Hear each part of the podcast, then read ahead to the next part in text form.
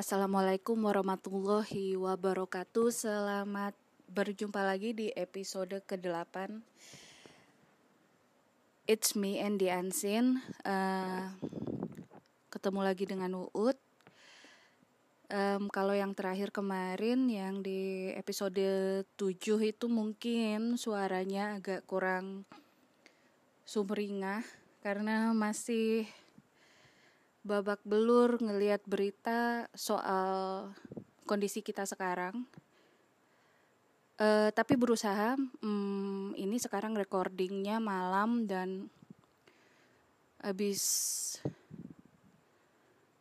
memutuskan untuk uh, sekitar sejam off dari semua berita-berita di media sosial maupun WhatsApp Mungkin teman-teman di rumah juga bisa mencoba uh, trik ini karena kita lelah ya ngelihat uh, berita yang sangat-sangat hmm, beragam mulai dari versi ya juga terus. Dan kesemuanya kalau bisa dirata-ratakan memang memang menuntut kita untuk ekstra optimis sih sebenarnya ya mudah-mudahan kita semua bisa melewati uh, semua kejadian ini, semua cobaan ini, um, tidak menganggap remeh apa pun, dan selagi kita bisa memeluk orang-orang yang ada di dekat kita, peluklah sekarang genggamlah tangannya karena who knows besok-besok kita nggak tahu ya nauzubillah min zalik. Tapi pokoknya quality time itu perlu apa pun yang ingin teman-teman sampaikan sama orang-orang tersayang um, aduh nggak mau terdengar pesimis. Tapi ini satu hal yang apa ya ini realita sih. Kondisi kita sekarang ini realitanya memang sedang begini jadi ya ya udah gunakan waktu sebaik mungkin dan uh, jangan sia-siakan um, kebersamaan dengan orang-orang di terdekat dan tersayang. Lah begitulah Oke, kalau di episode kemarin Uut itu ngobrolin soal apa ya kemarin? Oh, soal indera penciuman. Udah lupa aja karena banyak baca berita, lupa padahal baru kemarin kan tagnya. Um, indera penciuman, terus ada juga sepintas latarnya ceritain soal kamar. Terus uh, ini lagi di kamar nih sekarang, lagi deket jendela dan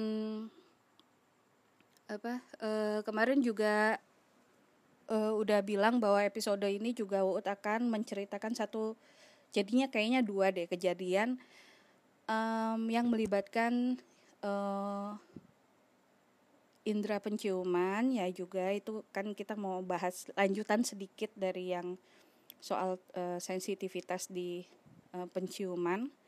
Uh, terus boleh nggak sih sebenarnya kita langsung ngomong kalau kalau sedang berada di satu tempat terus ada sesuatu yang ganjil yang sebenarnya itu bukan bukan apa ya bukan hal yang wajar untuk terjadi. Boleh nggak sih kita langsung ngomong gitu?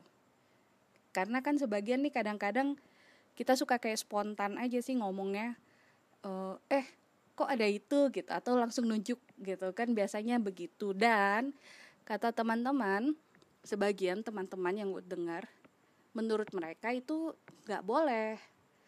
Tapi coba kita ngobrolin uh, lebih lanjut nanti waktu uh, Uut ceritain soal kejadiannya.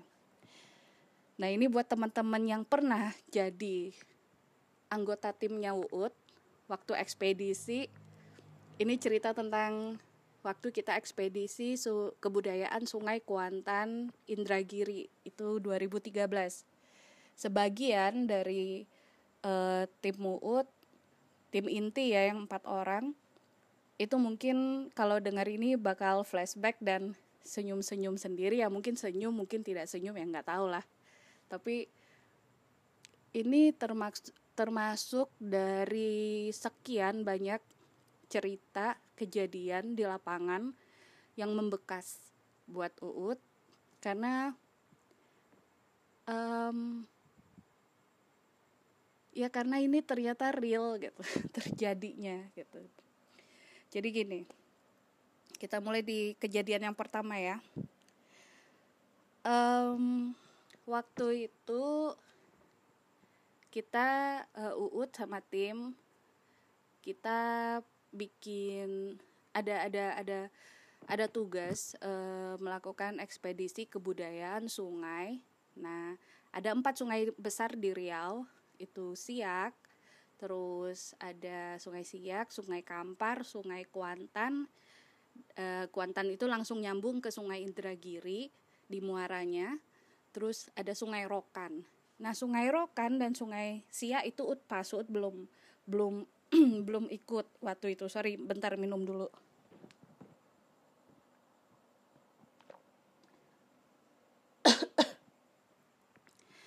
Terus um, jadi UUD cuma melakukan waktu mulai di ekspedisi uh, Sungai Kampar sama ekspedisi Kuantan Indragiri. Nah ini kejadiannya waktu di Kuantan Indragiri. Jadi sama sih seperti uh, yang episode lalu sedikit cerita soal uh, ekspedisinya polanya ya kita uh, nyusur sungai mulai dari hulu sampai ke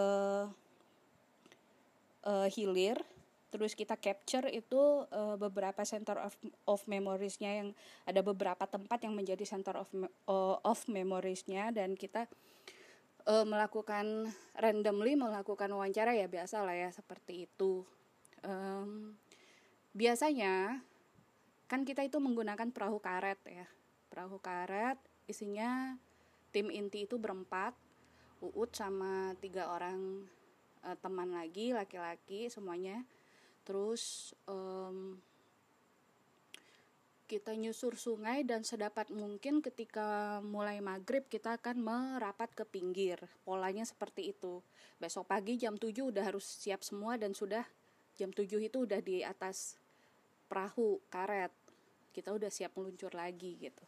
Kalau ternyata itu bukan tempat yang untuk um, memerlukan waktu yang lebih untuk mendapatkan data Eh, jadi kita uh, lanjut lagi kalau kalau kalau ketemunya tempat yang seperti itu.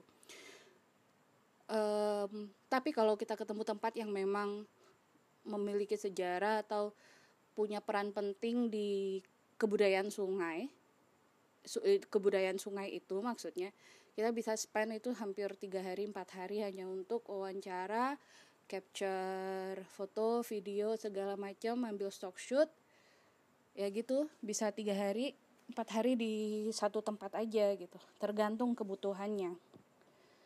Nah jadi pada suatu di term ketiga apa term kedua gitu lupa sih. E, kita itu sampai ke sebuah kampung. Nah kalau kita berhenti sorry kalau kita berhenti ketika menjelang maghrib itu kita tidak ketemu kampung kita akan bermalam di pinggir e, karena barang kan banyak ya. Nggak nggak semuanya harus diturunin yang diperlukan saja biasanya. Karena besok kan pagi udah lanjut lagi kerja uh, apa uh, perjalanan.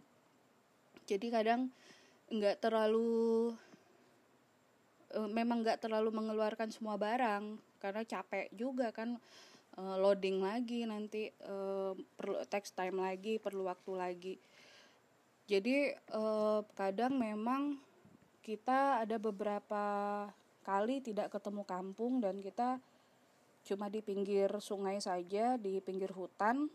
Um, ya bikin ya bivak kek kalau lagi malas malas apa? Malas bikin tenda ya kita juga pasti bawa genset kecil karena kita perlu untuk ngecas kamera segala macam.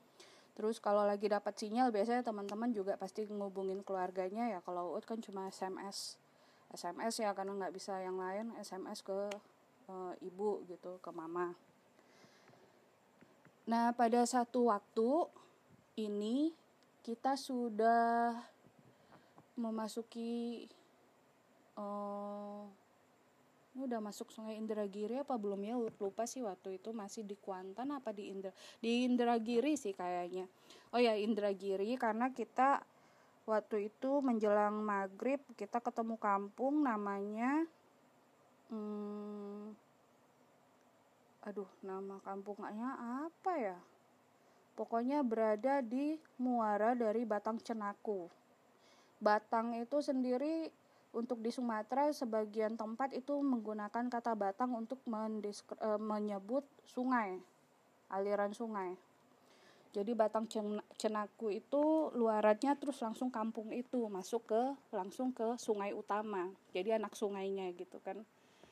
Kita pinggir terus kampung itu oh nama kampungnya ingat Pulau Jumat namanya nggak tahu mungkin teman-teman ada yang Pulau Jumat waktu itu uh, kita ketemu nama tempatnya Pulau Jumat terus kita turun ya ketemu cari kepala kampung tetua adat. Kalau ada ternyata di situ kampungnya sangat uh, kecil hanya ada 40 rumah dan dempetan sih nggak terlalu jauh. Jadi kayak cuma kayak jejeran menghadap ke sungai aja sih rumah-rumahnya.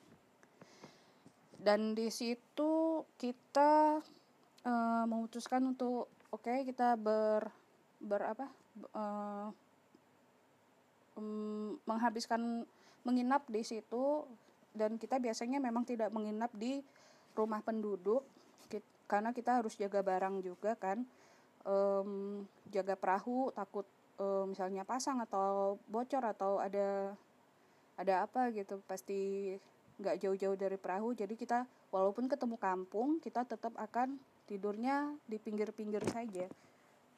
Dan hmm, waktu itu biasanya ini protapnya itu kalau lagi biasanya itu uut kan punya apa tenda sendiri yang buat single itu. Terus karena perempuan sendiri jadi yang tiga orang lagi itu kan satu tenda yang memang kapasitasnya bertiga atau berempat gitu karena ada space untuk barang-barang yang inilah yang memang harus dibawa masuk gitu jadi e, biasanya kan gitu tuh jajaran aja tidurnya itu kalau lagi rajin kalau lagi nggak rajin dan kebetulan langit tampak cerah, bintang-bintang banyak dan kita sangat capek, e, biasanya kita cuma jajaran tidur. Yang penting ada api unggun itu saja sih sebenarnya. Tidur pakai hemok apa matras gitu aja sih sebenarnya.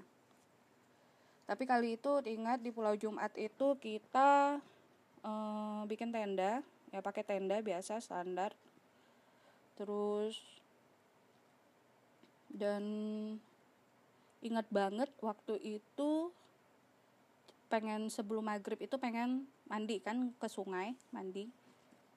Dan sebelum mau mandi itu salah satu anggota tim sebut saja namanya siapa ya? Nanti kalau disebut mah belum konfirmasi soalnya mau orangnya. Cahyono aja ya namanya Cahyono. Cahyono ini mandi duluan dia terus uh, pas mandi dia kayak aduh aduh gitu kan.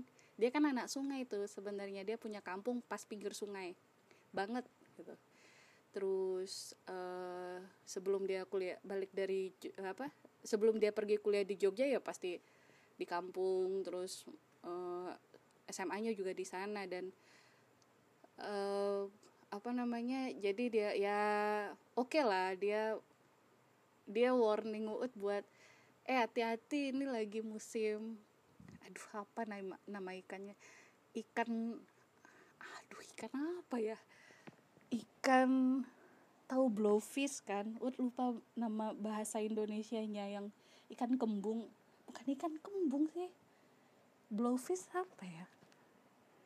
Ikan yang bisa tuh kan yang kalau di laut itu yang yang buk tiba-tiba membesar dan beracun itu.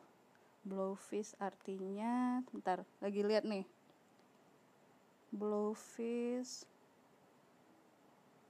blowfish ikan ya. Ikan. Nah jadi ternyata sorry ternyata oh pufferfish blowfish itu sama dengan puffer ikan buntal. Nah ikan buntal itu ternyata ada juga yang mirip seperti itu tapi di sungai. Dan mereka kayak musiman gitu kalau agak-agak naik ke permukaan itu agak-agak merapat ke ini tuh kayaknya katanya si Cahyono ini karena dia anak sungai ya gua, aku Eut percaya gitu. Itu kayak musiman atau beberapa tempat tertentu saja dia ada. Jadi dia bilang uh, dia manggil Eut Hai kan. Hai jangan mandi kenapa? Uh, ini lagi ada ikan buntal. Terus lo bingung loh emang ikan buntal ada di sungai? Ya ada katanya ikan buntal sungai katanya kayak gitu. Terus dia juga langsung kayak naik gitu agak-agak merah gitu kayak cuma bentuknya kecil sih nggak besar kayak yang ikan buntal pufferfishnya yang di uh, laut gitu. Jadi kayak ya udah laut nggak mandi lah sore itu akhirnya. Terus udah uh, udah ada api unggun juga udah mulai uh, deketin penduduk buat ngobrol-ngobrol segala macem mulai cari-cari uh, data atau apa ya kayak gitu kan. Santai terus menjelang maghrib sebenarnya sudah punya uh, jadi gini punya perasaan uh, ada yang nyamperin gitu pasti. Nah kalau ada yang nyamperin dan itu menjelang maghrib itu biasanya Ut pasti bilang uh, sama teman-teman tim bilang uh, weh Ut malam ini tidur sama kalian ya gitu. Itu pakai bahasa maksudnya Ut malam ini tidur sama kalian ya gitu.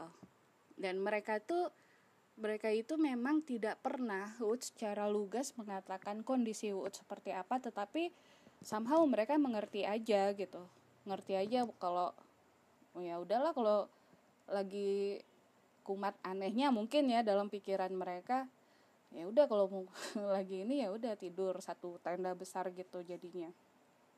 Dan itu di beberapa tempat selama ekspedisi dua sungai itu memang beberapa tempat tuh selalu kayak gitu. Karena kan kondisi lagi capek setelah seharian ini kena panas segala macam hujan juga. Kita kan pakai rubber boat ya pakai perahu karet dan itu nggak ada atap kan dan dengan kondisi cuaca panasnya Riau ya kebayang dong seperti apa. Dan akhirnya ya udah terus ada nama salah satu tim juga yang lebih umurnya lebih junior. Itu um, sebut saja di orang Jawa juga sih ini, ini pada tamatan Jogja semua sih mereka. Um, Mas aduh jangan salah sebut Mas. Mono kali ya. Satu Cahyono satu Mas Mono. Jadi manggilnya Mas Mono ini memang Mas aku manggilnya gitu. Karena dia orangnya sangat apa ya ba uh, religi gitu. Religius storynya uh, religius terus orangnya jarang ngomong terus ya gitulah.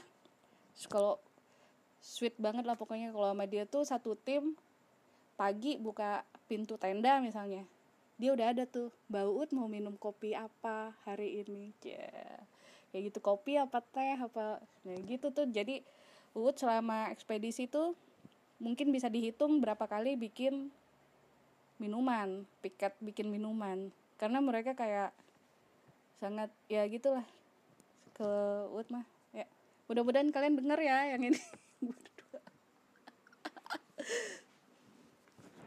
terus nah Mas Mono ini bilang yo ya udah Mbak aku biar aku nginep di tendamu aja.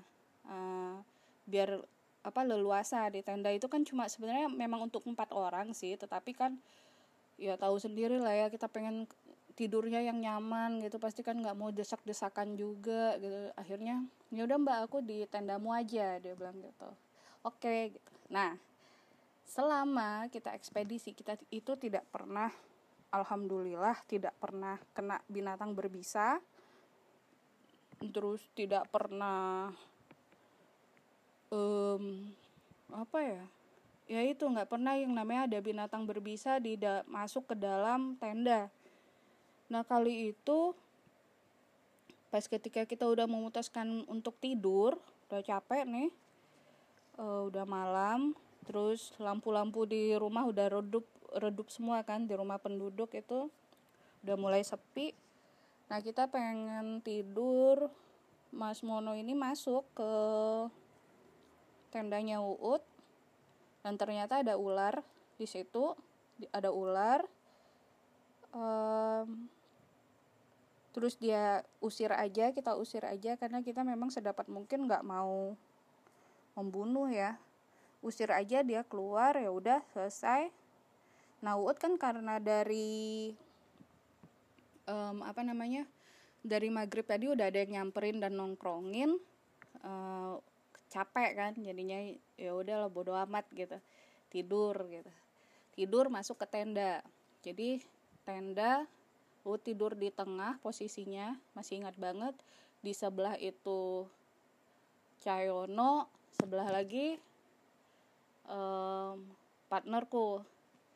Jadi kayak ya udah bertiga gitu jajaran. Udah tidur kan tidur aja. Tidur plek tidur. Nggak ingat apa-apa lagi. Nah kemudian di dalam tidur mulai lagi nih ada yang ngajak kan ada yang ngajak seperti kadang-kadang kan eh, di episode sebelumnya kan udah pernah cerita ya yang soal jalan-jalan ketika tidur itu nah ini ada yang ngajak Uut pergi ke kampung yang ternyata tadi kan lu cerita nih soal kampung Pulau Jumat ini hanya 40 rumah. Nah, ternyata di di balik di balik uh, jejeran 40 rumah itu kan ada kayak ada kebun, ada hutan, ada yang kayak gitu. Nah, di balik hutan itu ternyata adalah kampungnya mereka. Jadi udah diajak ke sana. Diajak ke sana, um, kalau dilihat dari oh tahu nih ini gue diajak nih oh diajak nih ini mas masih tidur nih maksudnya masih dalam kondisi tidur gitu kan kalau ingat langsung ngucap ya udah ngikutin aja. Biasanya kayak gitu. Ngucap yang penting ngucap ingat Allah. Terus udah ikutin aja maunya ke mana gitu. Terus udah di sana kayak disambut dan bentuk uh, wujudnya itu seperti manusia biasa. Seperti manusia tetapi wajahnya ah ini kan belum dapat jawaban nih. Nanti ud describe detail pada nggak mau dengerin lanjutannya nanti. Tapi nggak apa-apa lah ini nggak terlalu ini kok. Ini bagus-bagus aja gitu bentuknya. Wajahnya itu licin kulitnya jadi kayak nggak ada pori-porinya gitu. Waduh sebelah ada Vespa. Banyak cobaan. Oh, mati Vespanya terus um, apa namanya? Um, apa tadi? Oh ya mukanya licin. Udah lah ya kita biarin aja Vespanya. Uh, terus uh, kayak nggak ada pori-pori. Dan itu ada cewek cowok anak-anak. Itu kayak bener-bener satu kampung. Pakaiannya warnanya kayak hmm, mau dibilang pakaian dia kayak hologram. Mau mau dibilang hologram dia bukan ju juga bukan kayak hologram. Jadi susah juga buat me menggambarkannya. Terus eh, jarinya panjang-panjang semua tulangnya panjang-panjang. Tapi mostly dia punya anatomi ya mirip lah dengan dengan manusia ya. Ya diajak ke sana terus kayak ada yang nyambut gitu nyambut rame terus kayak jadi kayak small party gitu kayak ada pesta kecil banyak makanan. Terus ya udah biasa kan eh, nggak uh, tahu kenapa uh, ya makan aja gitu makan minum udah. Dan biasanya memang sih beberapa versi Ut pernah dengar orang bilang kalau lu diajak pergi lu jangan makan apa pun gitu. Cuma ini nggak tahu. Kalau dikasih makanan ya makan aja sih ya Bismillah gitu. Uh, karena kan memang ketika sadar di dalam mimpi itu bahwa oh ini adalah gue dia uh, diajak jalan nih di dalam mimpi ini lagi tidur nih.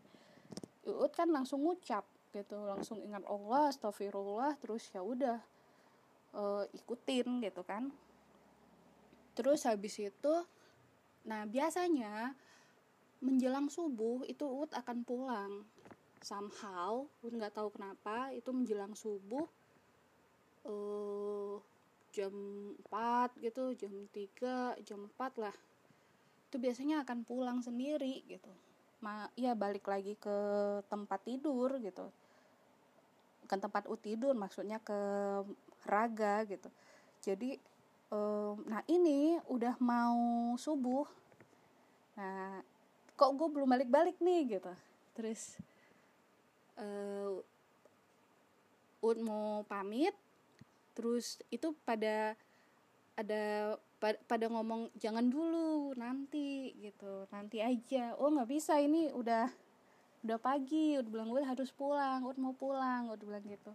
Jangan nanti aja jangan nanti aja gitu. Bilangnya jangan jangan gitu. Akhirnya eh, tangan kanan uut itu dipegang eh, dipegang sama salah satu bilang jangan uut jangan pulang gitu. Jangan pulang. Gue merinding. Jangan Uut jangan pulang. Terus yang lain pada ngerumunin ngerumunin Uut gitu kan tapi nggak yang ngedesek gitu nggak sih. Um, biasa aja cuma kayak ngebujuk jangan pulang dong jangan pulang jangan pulang gitu cuma ingat banget tangan Uut sebelah kanan itu dipegang sama satu orang laki-laki bilang jangan jangan pulang kamu jangan pulang gitu. Nah terus Ud kan bilang nggak bisa Ud harus pulang Ud harus pulang gitu. Karena Ud merasa ini udah dekat dengan subuh nih udah dekat dengan dengan azan subuh udah udah mau terang harinya gitu. Terus kemudian si siapa namanya?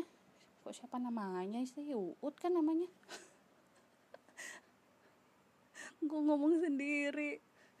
Terus habis itu nah waktu Ud lagi tarik tarikan tangan itu uh, dia mereka masih nahan jangan pulang ut jangan pulang ut gitu.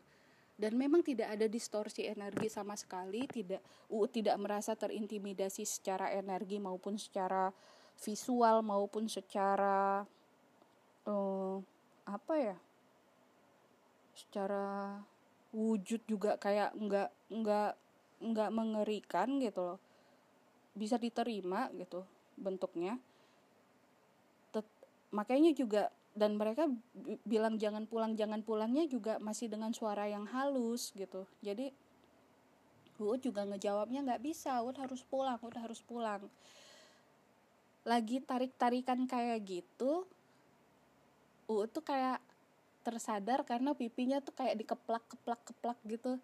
Ternyata Uut lagi di dalam tenda dengan posisi setengah berdiri kayak apa sih kayak berlutut gitu dengan tangan kanan yang kayak terulur kayak lagi ditarik terus yang sebelah kiri itu kayak ditarik sama partnerku. Nah pipiku itu dikeplak-keplak sama dia. Eh bangun bangun bangun gitu kayak gitu jadi terbangunnya dengan kondisi seperti itu. Terus dia bilang eh uh, eh oke oke oke wood wood oke okay, wood bilang kayak gitu kan. Kebangun kan semuanya Cahyono bangun. Terus uh, Mas Mono dari sebelah juga kayak wah apa? gitu. Kayak heboh gitu. Terus udah pipiku udah ditepok-tepokin weh bangun bangun bangun gitu. Uh, ut bangun ut gitu. Terus ut bangun dengan posisi tangan masih kayak terentang ditarik udah bangun terus ngomong uh, abis ngomong oke okay, oke okay tadi itu ut oke okay, ut oke okay, ut oke okay kok gitu. Maksudnya nenangin mereka nih oke kok yuk kita tidur lagi udah bilang gitu. Terus ingat banget dikeplak sama ini sama sajadah kecil gitu apaan tidur lagi? Orang udah mau subuh gitu ya. Eh udah subuh gitu kata partnerku kan terus bilang eh ah udah subuh? Untung gue pulang gue bilang kayak gitu. Cuma gitu aja sih nah. Um, itu tim itu memang apa ya tidak pernah mau bertanya apa sebenarnya yang terjadi? gitu. Kalau ada kejadian-kejadian kayak gitu biasanya mereka nggak mau nanya nggak mau nanya langsung. Pun nggak tahu juga. Kalau partnerku memang nggak pernah bertanya sebenarnya ada apa. Itu memang ya karakternya dia dan karakter uh, Uut memang berbeda. Tetapi kayak um, Cahyono gitu. Mungkin Mas Mono juga itu kan uh, apa ya sebenarnya kayak curious gitu sih. Maksudnya pengen tahu tapi kan juga mungkin e, menurut mereka ya tidak boleh ditanyakan secara e, langsung ditanyakan tuh nggak boleh gitu. Mungkin mereka me, me apa ya memegang yang tadi ud bilang itu. Kata orang sih kalau ada apa-apa yang tidak normal atau tidak wajar jangan langsung ditanyakan gitu. Nggak tahu juga sih tapi yang jelas hari itu berlalu dan habis subuh ya seperti biasa karena itu nggak terlalu banyak data yang kita dapetin. Jam 7 kita udah di atas perahu udah lanjut jalan lagi gitu. Udah packing semua karena habis subuh makan seadanya yang dimasak kopi yang pasti terus eh, barang-barang yang dikeluarin ya udah langsung packing um, pamit terus udah lanjut jalan. Nah kemudian habis hari itu besoknya Ut inget banget besoknya akhirnya um, Cahyono ini datang ngomong di di perhentian kita selanjutnya yang nggak ada apa-apanya nggak ada nggak ada storynya setelah ini. Uh, dia tanya dia manggil saya Hai Hai. Itu nanti kalau saya kasih tahu Hai. Kenapa hai itu nanti pada ketawa soalnya jadi nggak usah hai aja. Dia dia manggilnya hai memang. Singkatan dari sesuatu lah pokoknya. Terus dia ini kan lama kuliah kuliahnya di Jogja di Muhammadiyah. Jadi kayak di Universitas Muhammadiyah dan kadang dia sesama mereka karena lama di Jogja dan kayak Mas Mono ini kan memang orang Jogja ya. Eh memang orang Jawa ya. Jadi mereka kadang suka pakai bahasa Jawa gitu. Nggak ngerti juga sih. Um, nah dia tanya Hai sebenarnya kemarin malam tuh kenapa? Dia bilang kayak gitu. Terus Wood bilang kan um, mm, ya biasalah diajak jalan Wood bilang kayak gitu. Terus teh ya terus nggak boleh pulang Wood bilang gitu. Terus terus dia stop bertanya di situ udah selesai di situ aja cuma nanya itu aja. Dia juga nggak nanya detailnya seperti apa kok bisa bentuknya gimana apa nggak nggak pernah ditanyakan itu di timku nggak pernah ditanya. Mereka cuma kayak oh oke. Okay. itu aja udah udah progres banget nanyain. Sebenarnya kemarin ada apa? Itu tuh udah satu hal yang langka sebenarnya. Karena kita lebih fokus kepada uh, apa um, target ya yang harus didapetin data-data segala macam. Itu juga udah menguras tenaga nggak perlu lagi ditambahin dengan hal-hal yang kayak se seperti ini itu kan nah itu itu salah satu uh, cerita yang uh, entah kenapa dia menunggu sehari dulu dan Ut sama si Cahyono ini dua sungai dua-duanya dia ikut di dalam tim jadi lumayan banyak sih kejadian uh, yang sama-sama di dialami ya sama dia gitu. Mudah-mudahan kamu dengar ya. uh, terus um, itu satu. Dan dia menunggu sehari setelahnya. Baru sama waktu kita di salah satu pedalaman Riau juga kita tinggal lagi liputan untuk untuk ada pes ada seremoni terbesar di salah satu masyarakat adat yang ada di Riau. Kita turun ngeliput.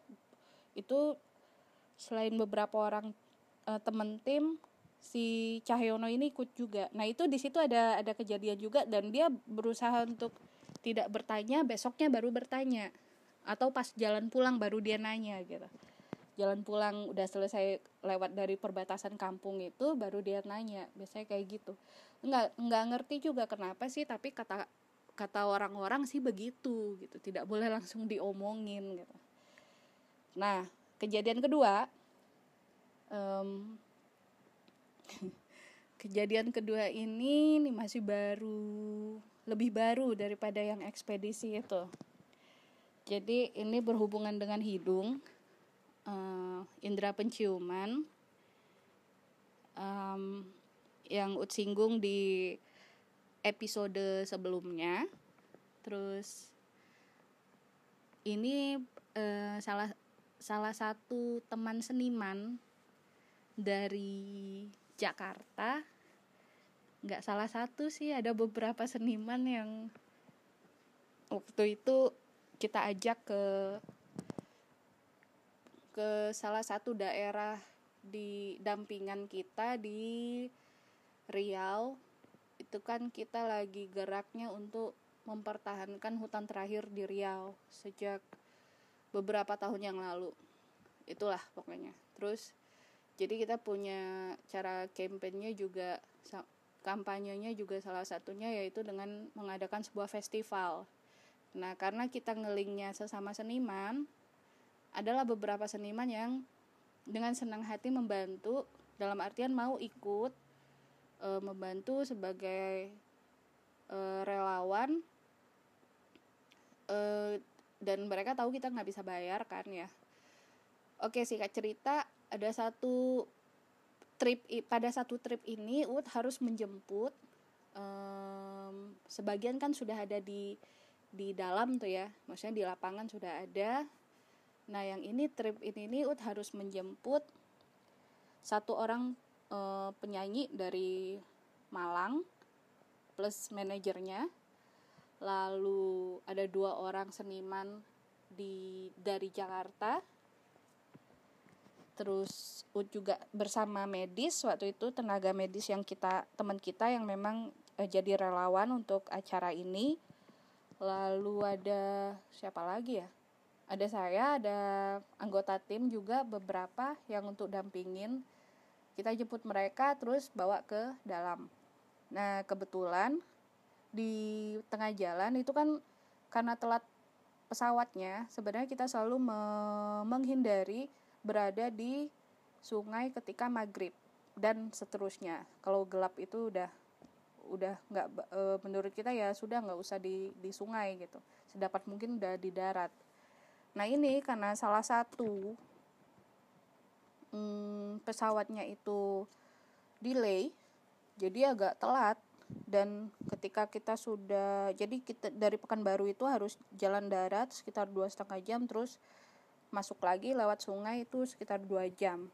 Nah yang di dua jam ini kita udah ternyata sudah lewat maghrib, jadi udah gelap nggak terlalu banyak yang bisa diambil fotonya. Kita pakai dua perahu. Yang perahu satu itu isinya uut tenaga medis sama dua orang seniman yang dari Jakarta perahu yang satu lagi itu isinya eh, temen tim sama penyanyi dan manajernya. Kita iring-iring. Nah itu memang eh, iring-iringan di sungai itu ingat banget waktu itu lagi kemarau.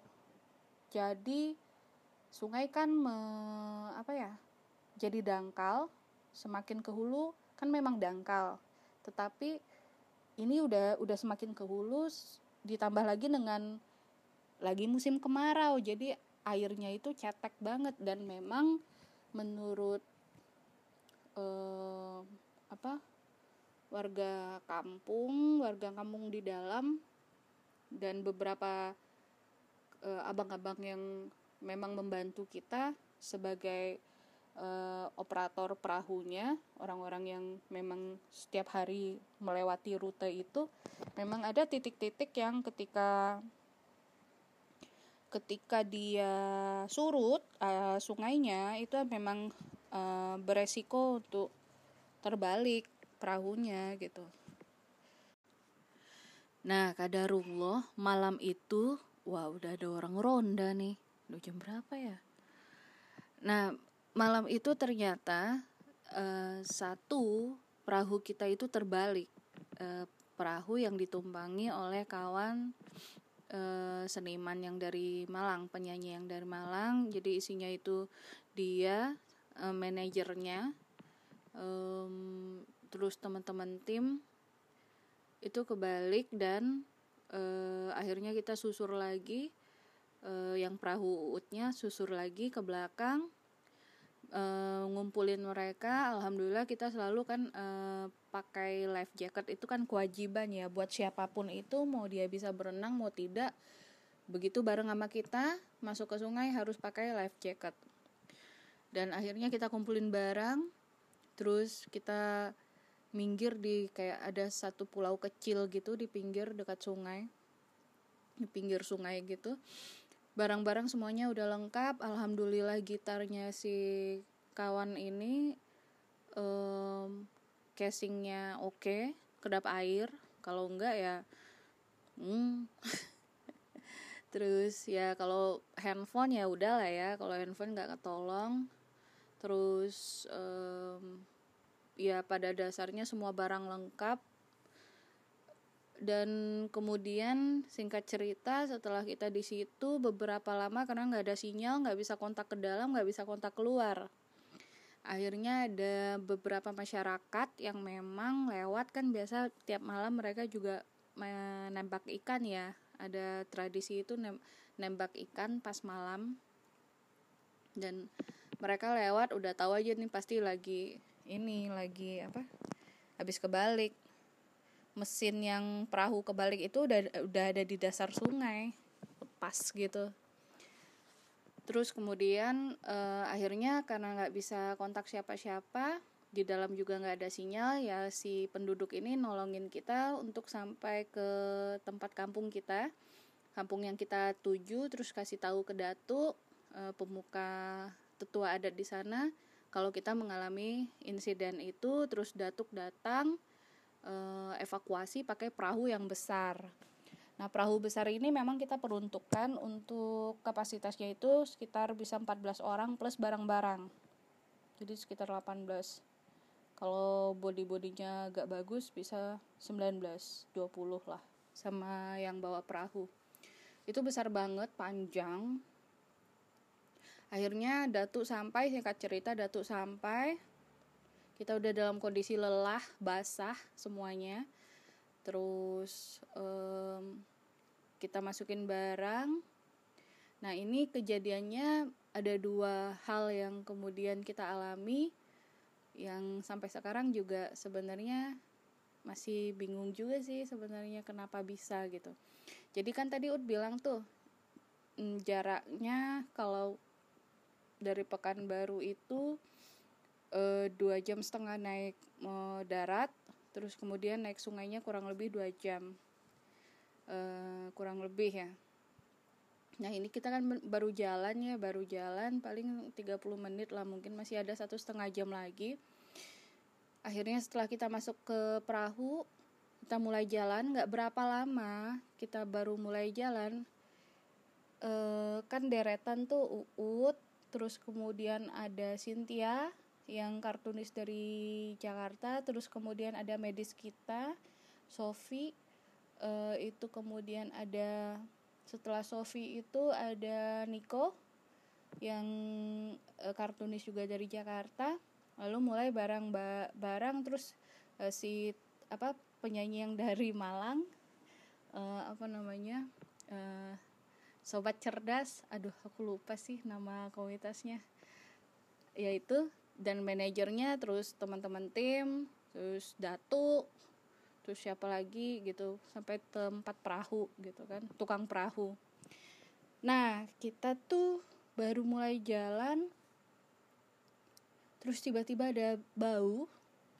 Baunya itu um, apa kenceng banget baunya wangi banget dan Uut nggak bisa nggak bisa me, mengenali itu bau kalau kita sebut bunga itu bunga apa? Dia bukan bunga mawar bukan bunga melati bukan bunga yang biasa kita cium.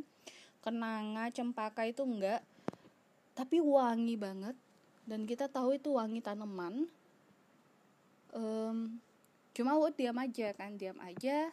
Mulai kayak ini kenapa? gitu. Cuma diam aja sih gitu karena Wood paling depan kan memang kalau di dalam perahu kita diatur berdasarkan berat badan.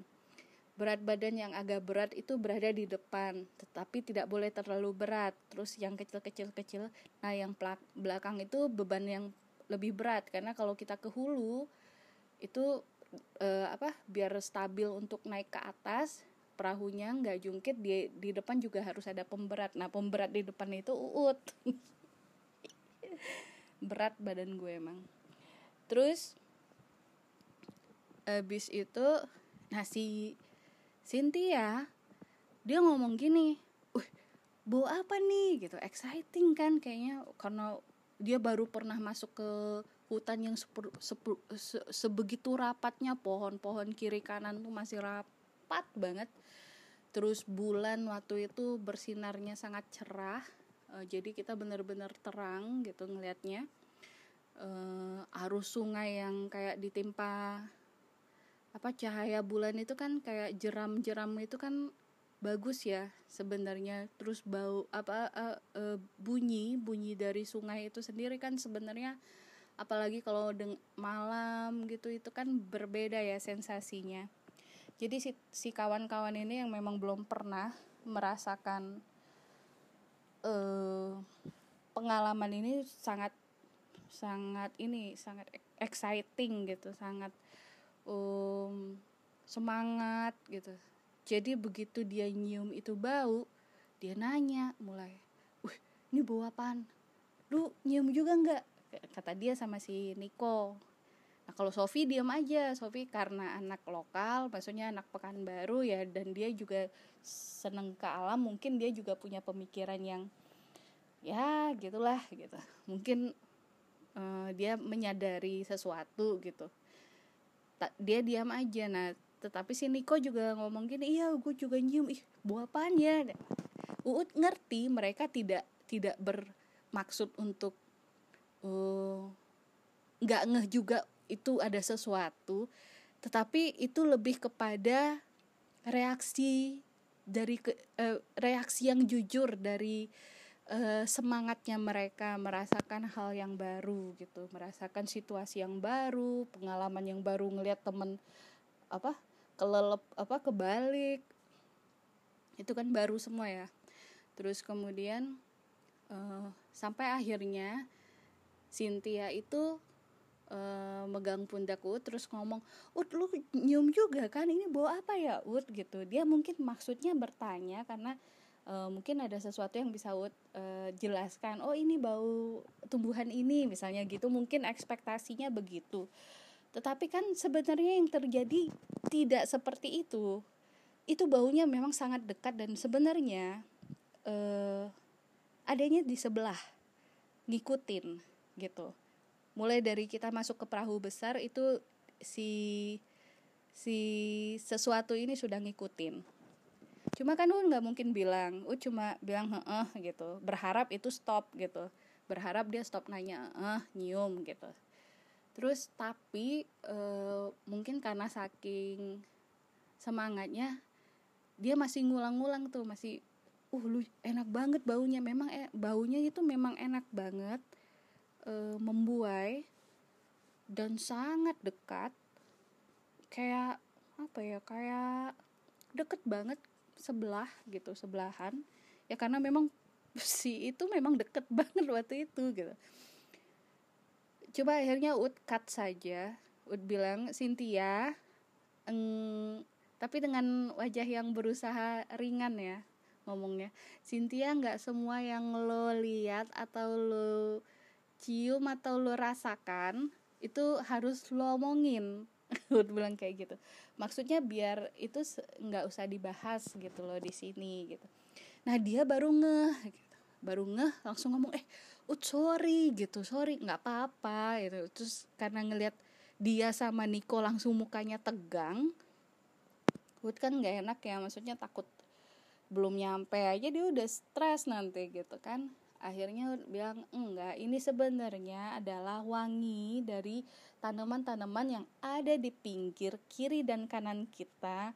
Jadi itu kan memang hutannya masih sangat rapat uh, dan mungkin ini musim uh, poho, beberapa jenis tanaman pohon itu mengeluarkan bunga dan itu ada baunya udah bilang kayak gitu. Asal jeplak sebenarnya waktu itu. Um,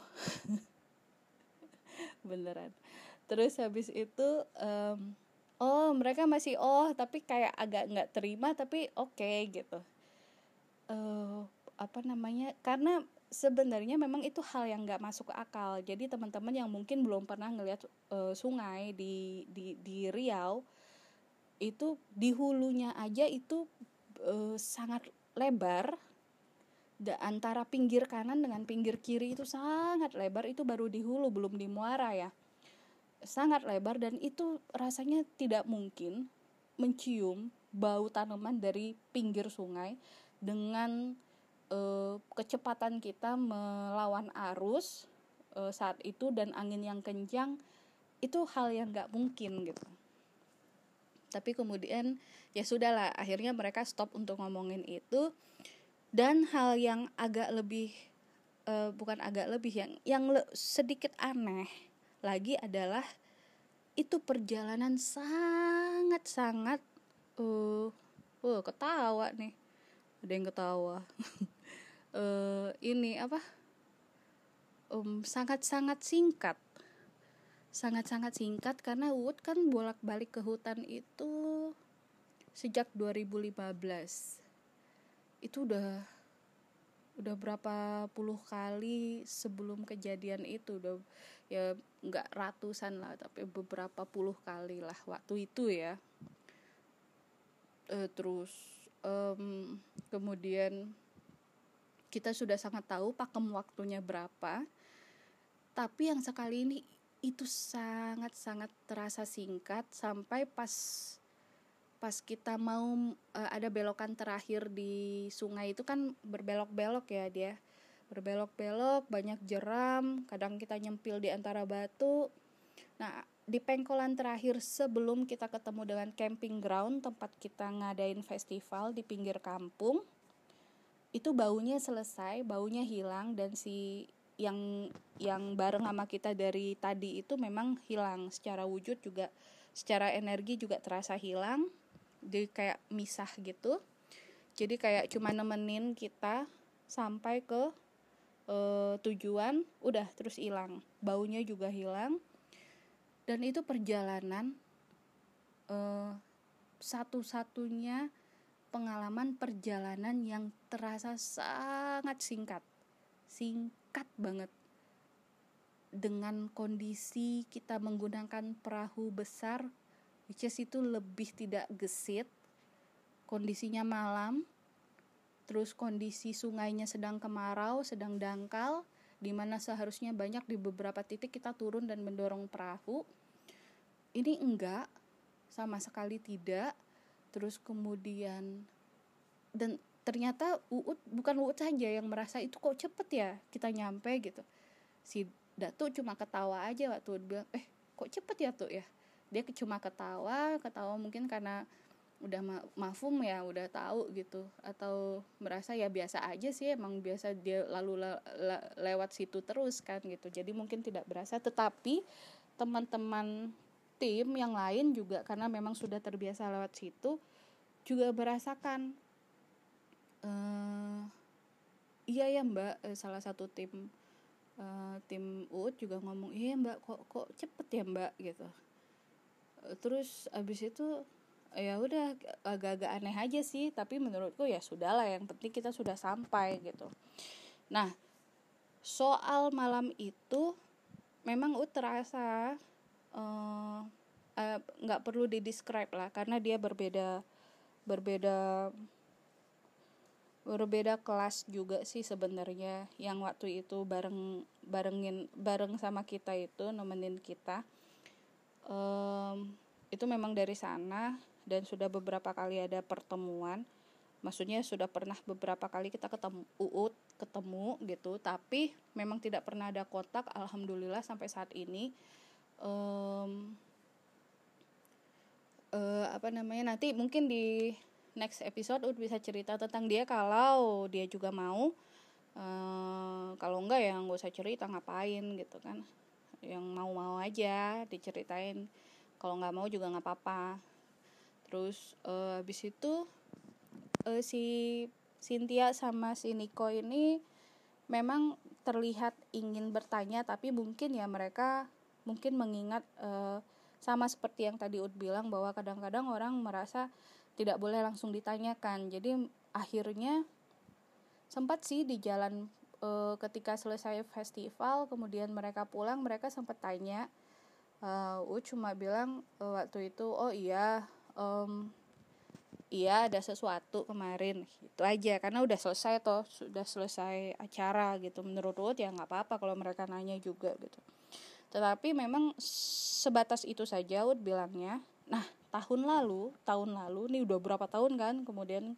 Tahun lalu Ruth kebetulan ke Jakarta karena waktu itu um, tahun lalu itu ada perlu dan cukup lama di Jakarta sekitar dua bulanan ketemu lagi sama Cynthia karena dia memang lagi menulis buku baru bikin buku visual ya baru tentang si hutan yang uh, hutan terakhir yang kita coba kampanyekan ini agar tidak dirusak.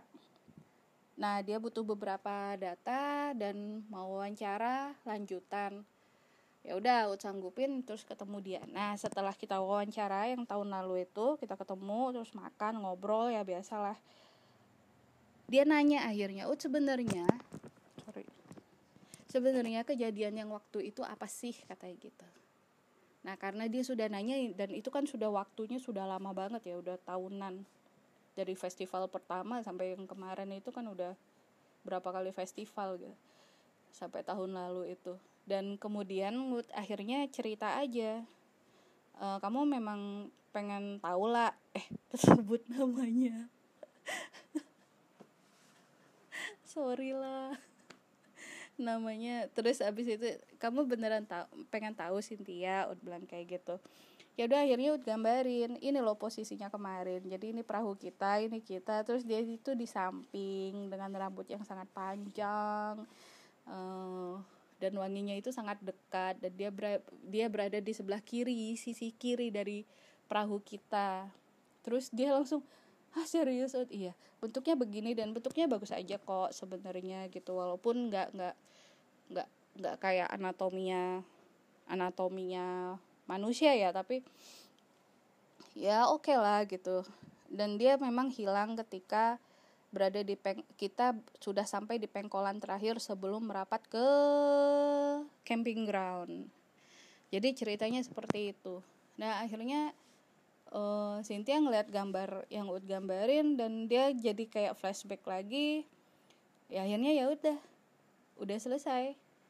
Yang jelas dia udah tahu akhirnya seperti itu kondisinya dan alhamdulillah ya teman-teman kayak Cynthia terus kayak Nico mereka nggak pernah kapok untuk mau datang lagi dan lagi untuk bantuin kampanye kita juga mempertahankan hutan terakhir itu. Ya mudah-mudahan kalian denger ini ceritanya. Ke, um, memang pada dasarnya uh, pada satu frekuensi ut ut ut uh, punya percayanya kayak gini jadi pada satu frekuensi ada satu satu celah yang terbuka dan ternyata bukan hanya kamu ut yang bisa entah itu melihat entah itu merasa entah itu mencium. Dalam satu waktu frekuensi yang sama mungkin orang-orang yang berada di kamu pun bisa merasakannya atau menciumnya atau me melihat sekilas gitu. Jadi ini masih bukan mister ya misteri sih. Ini masih hal yang sangat apa ya relatif sifatnya. Pada satu masa beberapa kali e, pengalaman memang kejadiannya begitu. I'm not the only one Uut bukan satu-satunya yang merasa gitu ternyata. Tetapi lebih banyaknya ya Uut saja yang merasa gitu. Tetapi uh, ya gitulah. Kadang-kadang temen seperjalanan juga merasa gitu. Tetapi uh, tidak mau bilang. Setelah kita diskusikan baru kemudian oh ya ternyata dia juga merasa gitu. Jadi ada ada banyak kemungkinan kemungkinan pintu-pintu kemungkinan yang bisa saja terjadi. Uh, soal kejadian yang berhubungan dengan penciuman ini di dua uh, maksudnya di kejadian yang terakhir ini ceritakan berbeda memang dengan episode yang lalu. Karena ini juga berhubungan dengan teman-teman. Dan teman-temannya masih ada. Jadi mungkin ya mudah-mudahan ada yang di bisa diambil lah dari uh, cerita yang Ut share ini. Uh, mudah-mudahan juga kalian berdua Niko dan Cynthia walaupun Ut ganti namanya kalian tahu lah siapa.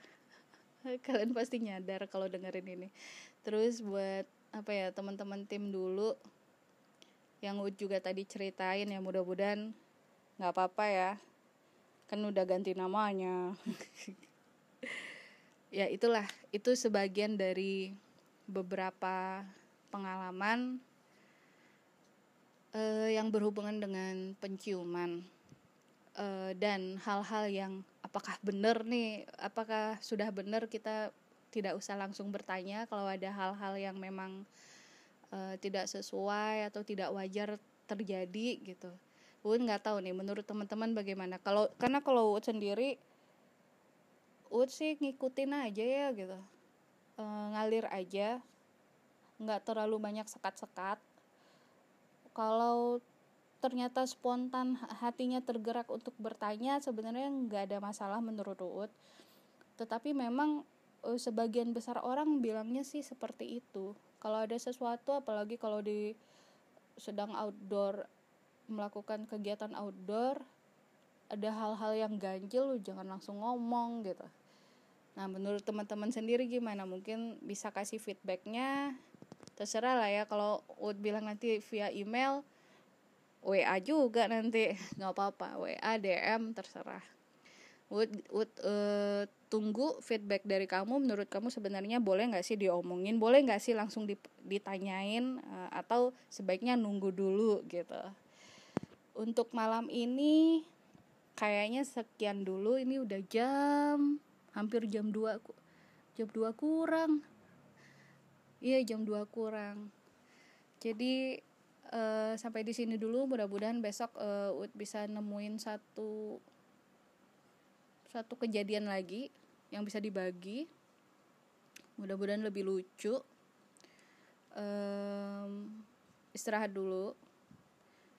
Uh, stay safe. Jaga kesehatan. Tetap diam di rumah. Semoga kita semua kuat melewati cobaan wabah COVID-19 ini. Saya Budi Utami, sign out. Terima kasih. Wassalamualaikum warahmatullahi wabarakatuh.